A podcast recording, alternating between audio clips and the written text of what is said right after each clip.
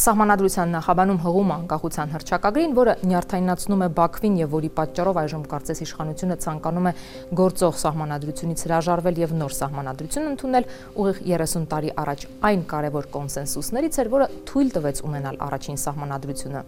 Նաև հենց այդ հղումն էր, որ 1994 թվականին հաշտեցրեց իշխանության եւ ընդդիմության տարբեր մոտեցումները եւ Գերագույն խորհրդում ապահովեց սահմանադրության նախագծի հաստատման համար անհրաժեշտ գերակշիռ մեծամասնության падգամավորների առնվազն 2/3-ի կողմ քվեն։ Տեսնենք, թե ինչ տարբերակներ են առաջարկել իշխանությունն ու ընդդիմությունը նախաբանի համար, երբ եւ ինչպես է գրվել այն տարբերակը, որով 1995 թվականից ի վեր անփոփոխ սկսվում է Հայաստանի մայր օրենք օրենքը։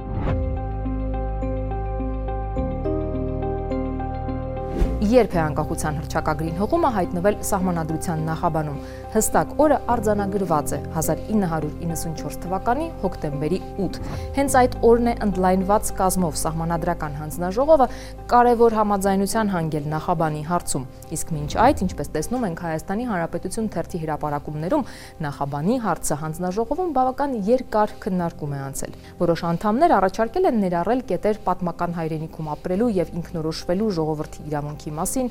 անդրադառնալ ցեղասպանության ճանաչման եւ դատապարտման պահանջին, ազգային խնդիրների արդարացի լուծման ձգտումներին, կետեր, որ կային ընդդիմության առաջարկած տարբերակներում։ Որոշներն էլ հարց են բարձրացրել, թե որքանով է ընդհանրապես նպատակահարմար պատմական թեմաները բերել սահմանադրության նախաբան։ Եվ ի վերջո մի քանի նիստերի ընթացքում հանձնաժողովը հանգել է սկզբունքային համաձայնության, գտել է բոլորին բավարարող մի լուծում։ Առանձին կետերով ազգային պատմական խնդիրներին անդրադառնալ պետք չէ, բայց այդ հարցերը ընդհանրապես չանտեսելու համար նախաբանում պետք է հողումանել անկախության հրճակագրին։ 1994 թվականի աշնանը ըստ էության կոնսենսուսով ընդունվեց Հայաստանի սահմանադրության նախաբանը, որը ընդունվելուց հետո որևէ փոփոխության չի ենթարկվել եւ արտահայտում է լայն քաղաքական համաձայնությունը այդտեղ տեսեք բազմաթիվ ներբերանքներ կան նախաբանի մեջ մի կողմից վեցնյակը անդիմադիր կուսակցությունները ուղղակիորեն ուզում էին ամրագրել հայդատի պահանջատիրության խնդիրը Արցախի հիմնահարցը ուղղակիորեն եւ այլն իշխող կուսակցությունը հակված չէր դրան բայց երբ որ փողզիջումներ ձեռք բերվեցին հղում արվեց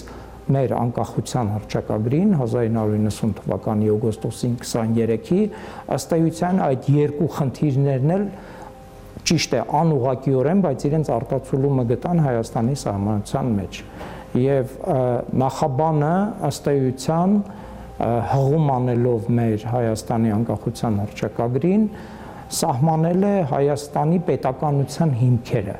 Հետագա մի քանի ամիսներին հանձնաժողովը համաձայնեցնում է նաև ողջ սահմանադրության տեքստը։ 1995 թվականի ապրիլին ազդարարվում է, որ հանձնաժողովը 107 նիստերի արդյունքում ավարտել է նախագծի վրա իր աշխատանքը, իսկ մայիսին Գերագույն խորհուրդը հաստատում է այդ նախագիծը 141 կողմ, 20 դեմ, 3 ձեռնպահ ձայներով եւ որոշում հուլիսի 5-ին դնել հանրակրվեի։ Այստեղ հարկ է նշել, որ այս կոնսենսուսն ու հանձնաժողովում իշխանություն ընդդիմություն կառուցողական աշխատանքը երկարատև մի քանի տարի տևած գործընթացի միայն վերջին փուլում է կայանում, երբ համալրվում է սահմանադրական հանձնաժողովի կազմը եւ այնտեղ մեծանում է ընդդիմության ներկայացվածությունը։ Իսկ սահմանադրական հանձնաժողովի կազմը ընդլայնելու որոշումը կայացվում է այն բանից հետո, երբ 1994 թվականի գարնանը գործընթացը մտնում է փակուղի։ Գերագույն խորհուրդը չի հաստատում ներկայացված 5 տարբերակներից եւ ոչ մեկը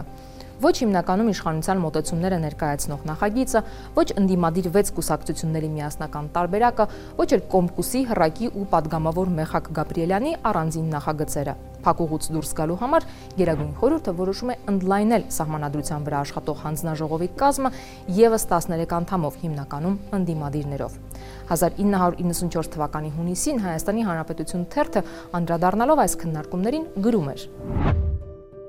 Մինչև ուշ երեկո Գերագույն խորհուրդը որոշում ընդունեց սահմանադրական հանձնաժողովի կազմն լայնելու խորհրդարանում ներկայացված եւ սահմանադրական հանձնաժողովում ներկայացուցիչ ճանաչող հասարակական քաղաքական կազմակերպությունների եւ օրենսդրական նախաձեռնության հեղինակների մեկական ներկայացուցիչներով։ Ուրեմն տեսեք 1994 թվականին, երբ որ չընդունվեց սահմանադրության նախագիծը, որը մշակվել էր սահմանադրական հանձնաժողովի կողմից եւ երկու մեծամասնություն ստանալ իշխող ուժին չհաջողվեց, համաձայնություն ձեռք բերվեց իշխանության եւ ընդդիմության միջև, որ իրենք համատեղ են իրենց ջանքերը սահմանադրական հանձնաժողովում ընդլայնեն սահմանադրական հանձնաժողովը ընդդիմության հավելյալ ներկայացուցիչներով եւ այդ ընդլայնումից հետո առաջին մի քանի ամիսներին բավականին բեղմնավոր աշխատանք կատարվեց։ Սահմանադրական հանձնաժողովի կազմում ընդգրկվում է նաև հայտնի իրավաբան, իրավագիտության դոկտոր Վլադիմիր Նազարյանը, ով մինչ այդ աշխատում էր ընդդիմադիրների նախագծերի վրա։ Ահա արդեն ընդլայնված հանձնաժողովը սկսում է լրամշակել իր կազմած, բայց խորհրդարանում հավանության չարժանացած նախագիծը եւ ի թիվս այլ փոփոխությունների նախաբանում, որպես փողզիչում ավելացնում է հողումը անկախության հրճակագրին, որում տողեր կան ցեղասպանության ճանաչմանը սատար կանգնելու Հայաստանի եւ Արցախի միավոր կարգավորման եւ պատմական արդարության վերականգնման ձգտումների մասին։ Ու գիտեք, պրեամբուլաները հենց նրա համար են, որ նաեւ ազգային իղձեր, ցանկություններ, նպատակներ ամրագրեն եւ դրա համար էլ իրենք շատ դեպքերում կարող են պոետիկ էլ լինել։ Կան շատ ավելի պոետիկ նախաբաններ ու նախաբաններ ունեցող այլ երկրների սահմանադրություններ։ Օրինակ Խորվաթիայի սահմանադրությունը գրեթե իրենց ամբողջ պատմությունն է վերարտադրում մոտ մի երկու էջի վրա։ Այսինքն մեր նախաբանը շատ լակոնիկ նախաբան է ու ասեմ հազվադեպ այն դրույթներից է Հայաստանի սահմանադրության, որը որ ըստ էության կոնսենսուսով է ընդունվել։ Այժմ տեսնենք, թե մինչև ընդլայնված հանձնաժողովի ստեղծումն ու մեկ նախագծի մշակումը սահմանադրության ինչ հիմնական եւ այլընտրանքային նախագծեր կային, ինչ էր գրված այդ նախագծերի նախաբաններում եւ որոնք էին հողում անում հրճակագրին։ Մեծամասամբ իշխանության տեսակետը ներկայացնող 20 հոկանոց սահմանադրական հանձնաժողովի նախագծում անվանենք այն հիմնական նախագիծ։ Նախաբանը երկար չէր, այն հիմնականում նույն բովանդակությունն ուներ, ինչ ներկայիս նախաբանը, սակայն այնտեղ 1994-ի գարնանը դեռ բացակայում էր անկախության հռչակագրին հողումը։ Մենք Հայաստանի Հանրապետության ժողովուրդը իրականացրած ինքնիշխան հայոց պետականության վերականգնման մեր ազատասեր նախնիների սուրբ պատգամը լի վճռականությամբ նվիրվելու նրա հզորացման եւ բարգավաճման գործին, ապահովելու համար մեր եւ մեր սերունդների ազատությունը, ընդհանուր բարեկեցությունը, քաղաքացիական համերաշխությունը, հավաստելով մեր հավատարմությունը համամարտկային արժեքներին, ընդունում ենք Հայաստանի Հանրապետության սահմանադրությունը իշխող ուժը հայոց համազգային շարժումը համարում էր, որ ազգային գաղափարների մասին ականջահաճո հայտարարությունների փոխարեն հայերի ազգային իրական խնդիրը Հայաստանը ամուր, ապահով, ինքնիշխան, ժողովրդավարական, զարգացած տնտեսությամբ եւ ծաղկուն մշակույթով իրավական պետություն դարձնելն է։ Հանձնաժողովի տարբերակի հիմնական մրցակիցը վեցնյակի նախագիծն էր։ Այն կազմել էին 6 ընդդիմադիր կուսակցություններ՝ Դաշնակցությունը, Հայաստանի ռամկավար ազատական կուսակցությունը, ՀՌԱԿ-ը, Հանրապետականը, Սահմանադրական իրավունք միությունը, ՍԻՄ-ը, Հայաստանի դեմոկրատական կուսակցությունը, ՀԴԿ-ն, Հայաստանի ագրարային ժողովրդավարական կուսակցությունը։ Վեցնյակում լոկոմոտիվը դաշնակցությունն ու հռակն էին, իսկ միասնական նախագծի նախաբանում նշվում էր Միացյալ Հայաստան ստեղծելու ձգտման մասին։ Հայ ժողովուրդը հազարամյակներ շարունակ ապրելով իր բնորանում, վերականգնելով ազգային պետականությունը, ձգտելով իրականացնել համայն հայության ազատ, անկախ եւ միացյալ Հայաստանում համախմբվելու նվիրական իղձը, մարդուն նրա իրավունքները եւ ազատությունները համարելով բարձրագույն արժեք, տոգորված ժողովրդավարական, իրավական ազգային պետություն ստեղծելու նրա քաղաքացիների ազատ, անվտանգ, բարեկեցիկ, արժանապատիվ կյանքն ապահովելու վճռականությամբ, արտահայտելով բոլոր ժողովուրդների հետ խաղաղ եւ համերաշխ ապրելու իր կամքը, կենսագործելով ազատ ինքնորոշման իր բնական եւ անոտարելի իրավունքը, ընդունում է համամարտկային եւ իր ազգային արժեքներն ու հաստատություններն ամրագրող Հայաստանի Հանրապետության սահմանադրությունը, հիմնական օրենքը։ Հայդատի արդարացի լուծման, ցեղասպանության ճանաչման եւ հատուցման մասին կետերը տեղ էին գտել ոչ թե նախաբանում, այլ առանձին երրորդ հոդվածում, որով արգելվում էր նաեւ հայդատից հրաժարվելուն ուղված քարոշչությունը։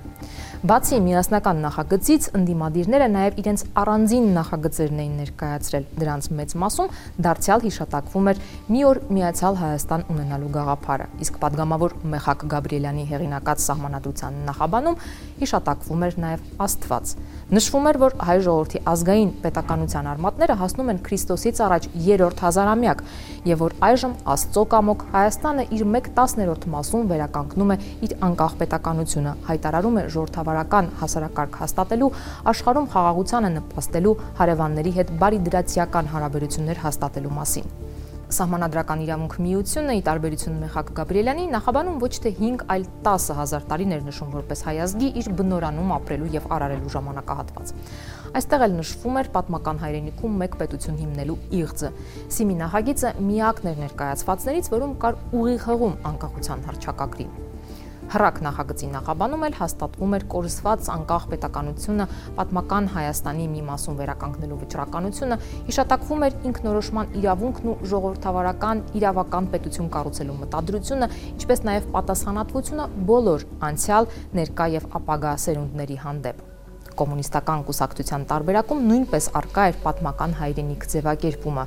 Նշվում էր, որ Գերագույն խորհուրդը ընդհանրացնելով 20-րդ դարում հայոց պետականության ստեղծման եւ զարգացման փորձը իր պատմական հայրենիքի մի մասում հրճակում է ժողովրդավարական պետություն կառուցելու վճռական ձգտումը պատմական ազգային հարցերը սահմանադրության նախագծում ներառել չներառելու բանավեճից բացի դատելով մամուլի հրապարակումներից եւս երկու խոշոր տարաձայնության առիթ կար իշխանության եւ ընդդիմության միջև։ Նախ կառավարման ինչ համակարգ պետք է ունենա Հայաստանը։ Իշխող հայոց համազգային շարժումը կողմ էր նախագահական համակարգին, իսկ ընդդիմադիր վեցնյակը խորհրդարանականին եւ համարում էր, որ այս սահմանադրությունը Լևոն Տեր-Պետրոսյանի համար է ձևվում։ Իդեպ մեղադրանքները, որ սահմանադրությունը ձևվում կամ կարվում է մեկ հոգու համար դեռ կհնչեն, թե 2005-ին, երբ Ռոբերտ Քոչարյանն էր իրականացնում սահմանադրական փոփոխությունները, թե 2015-ին Սերժ Սարգսյանի հասցեին։ Ինչևէ ընդդիմադիր վեցնյակը 90-ականների սկզբին համարում էր, որ ուժեղ նախագահական համակարգը կարող է հանգեցնել բռնապետության։ Լևոն Տեր-Պետրոսյանն այս մեղադրանքներն անհեթեթ էր համարում եւ նշում, որ բռնապետությունը սահմանադրության կամ կառավարման կարգի հետ կապ չունի։ Այդ մեղադրանքներին օրինակ նա անդրադառնում է Արամ Աբ รา համյանի հետ հարցազրույցում։ Մեղադրանքները կամ քննադատությունը կարելի է ձևակերպել երկու կետով։ Ա. Այս սահմանադրությունը ձևված է Լևոն Տեր-Պետրոսյանի համար եւ B այս սահմանադրությունը տանում է մեր երկիրը դեպի բռնապետություն։ Ինչ կասեիք այդ կապակցությամբ։ Հայտնի վեճ է եւ հայտնի փաստարկ, որը շարունակ ծեծվում է մեր ընդդիմության կողմից։ Ես իհարկե շատ շոյված կզգայի ինձ, եթե այս սահմանադրությունը կապվեր իմ անվան հետ։ Բռնապետությունը ընդհանրապես ոչ մի կապ չունի թե ինչպիսի սահմանադրական կարգեր են հաստատված այդ երկրում խորհրդարանական թե նախագահական։ Ընդհանրապես ավելին կարող եմ ասել, բռնապետությունը որևէ կապ չունի սահմանադրության հետ, որովհետև բռնապետությունը ինքնին սահմանադրության մերժում է, ինչպիսի սահմանադրությունը լինի, եթե պատմական հանգամանքները հասարակությունը տարել են դեպի բռնապետության, ապա դա նախ եւ առաջ սահմանադրության ոտնահարումն է։ Թերևս քչերը կհիշեն, որ 90-ականներին նախագահական խորհրդարանական երկընտրանքի կողքին հրապարակված նախագծերում նաև այլ լուծումներ էին առաջարկվում։ Պատգամավոր Մեխակ Գաբրիելյանն օրինակ սահմանադրության իր տարբերակում առաջարկում էր ստեղծել ֆեդերատիվ պետություն, կազմված 5 ինքնավար աշխարհներից՝ Սյունիք, Գուգարք, Շիրակ, Արարատ եւ Գեղարքունիք։ Կոմկուսի տարբերակն էլ առաջարկում էր փաստացի վերականգնել խորհրդային կարգերը, ամբողջ իշխանությունը տալ խորհուրդներին եւ հաստատել սոցիալական հավասարություն։ Երրորդ կարևոր բանավեճը 90-ականներին հետևյալն էր. ինչպես պետք է ընդունվի սահմանադրությունը։ Արդյոք այն պետք է մշակի եւ ընդունի խորհրդարանը, արդյոք առանձին սահմանադիր ժողով պետք է հրավիրել դրա համար, թե սահմանադրությունը պետք է դնել հանրակրվեի։ Եվ եթե հանրակրվե, ապա քանի տարբերակ պետք է առաջարկել ժողովրդին՝ 1 թե 1-ից ավելի։ Իշխանության եւ ընդդիմության տարբերակների արկայության պարագայում քննարկվել է անգամ հնարավորությունը հանրակրվեի դնել սահմանադրության երկու տարբերակն էլ։ Հանրակրվեի օկտին հանդես էր գալիս իշխող ուժը հայոց համազգային շարժումը, իսկ սահմանադիր ժողովի կողմնակից էր ընդդիմադիր վեցնյակը։ 1994 թվականի հունիսի 15-ին օրինակ Դաշնակցական երկիր թերթը անդրադառնում է Գերագույն խորհրդում այդ հարցի քննարկմանը։ Վլադիմիր Նազարյանը նշեց, որ երբեմն նույնիսկ իրավաբաններին են աննկատելի մնում օրենսդրական նրբությունները։ Բնական է, որ այլ մասնագիտությունների դեր մարդիկ դժվար թե ավելի հեշտորեն կողնորոշվեն։ Ոստի սահմանադրությունը հանրակրվեով ընդունելու արարողակարգը արդարացված չէ։ Իշխանությունը սակայն հանրաքվեի վստահ կողմնակիցն էր։ Նախագահ Լևոն Տեր-Պետրոսյանը 1994 թվականի ապրիլի 25-ին խորհրդարանում իր ելույթում հայտարարում էր, որ հայ ժողովուրդը ոչնչով պակաս չէ այլ ժողովուրդներից եւ կարող է կողմնորոշվել։ Ես չեմ ընդունում, ավելին կտրականապես մերժում եմ այն առարկությունը, թե իբր ժողովուրդն ի վիճակի չէ կողմնորոշվելու սահմանադրության հարցում։ Մերժում եմ, քանի որ նախ հայ ժողովուրդը ոչնչով պակաս չի այն ժողովուրդներից, որոնք իրենց սահմանադրությունն ընդունել են հանրակրվեի միջոցով, եւ երկրորդ, եթե նա կողմնորոշվում է падգամավորական տեխնատուների հազարավոր խայտաբղետ ծրագրերի հարցում, ապա շատ ավելի հեշտությամբ կարող է վերաբերմունք արտահայտել սահմանադրության 1-2 նախագծի նկատմամբ։ Ինչպես ընդունել սահմանադրությունը, հարցը նաև ժողովրդին են ուղղել։ Երեկոյան Երևանի լրագրողը հարցազրույցներ է անցկացրել Երեկոյան Երևանում 1994 թվականի հունիսի 22-ին։ Պատասխանները շատ տարբեր էին, բայց հիմնականում ավելի ընդունելի էր հանրակրվեի գաղափարը գիտ աշխատող Ալեքյանն ու Թոշակա Ռոմինասյանն օրինակ կիսում էին նախագահի կարծիքը, որ երկրի գլխավոր օրենքի ընդունումը հանրակրվեով այլ ընտրանք չունի։ Ուսուցիչ Մարկոսյանը միշտեր կարծում էր, որ պետք է գնալ կարճ ճանապարհով համարելով, որ դա սահմանադիր ժողովն է։ Կապի աշխատող Վարդանյանը կարծում էր, որ այս հարցի շուրջ աղմուկը անտեղի է։ Երկու նախագիծ կա։ Խնդրեմ, երկուսն էլ դրեք քվեարկության, որը կանցնի, կանցնի։ Ինչ եք ջուրծեցում։ Կանգառում սպասող մի քաղաքացի էլ Երեկոյան Երևանի հարցին 1994-ի հունիսին այսպես է պատասխանել։ Ինձ ոչ մի սահմանադրություն էլ պետք չէ ինձ տրանսպորտ է պետք, տուն գնամ։ Ի վերջո որոշվում է գնալ հանրակրվեի ճանապարհով, այն կայանում է 1995 թվականի հուլիսի 5-ին։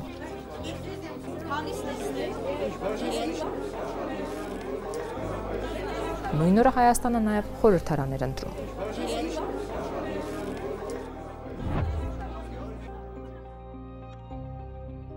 Արդյոք սահմանադրության նախաբանը հնարավոր է փոխել։ Սահմանադրությունն այդ մասին ոչինչ չի ասում։ Նշված է միայն, որ անփոփոխելի են առաջին 3 հոդվածները, բայց թե 2005-ի, թե 2015-ի փոփոխությունների ժամանակ երբևէ նախաբանի վերանայման հարց չի քննարկվել։ Իսկ 2021 թվականին Սահմանադրական դատարանը մի որոշում է կայացրել, որով Սահմանադրության նախաբանը դասել է անփոփոխելի հոդվածների շարքին։ Սա նշանակում է, որ նախաբանը չի կարելի վերանայել Սահմանադրության փոփոխությունների միջոցով։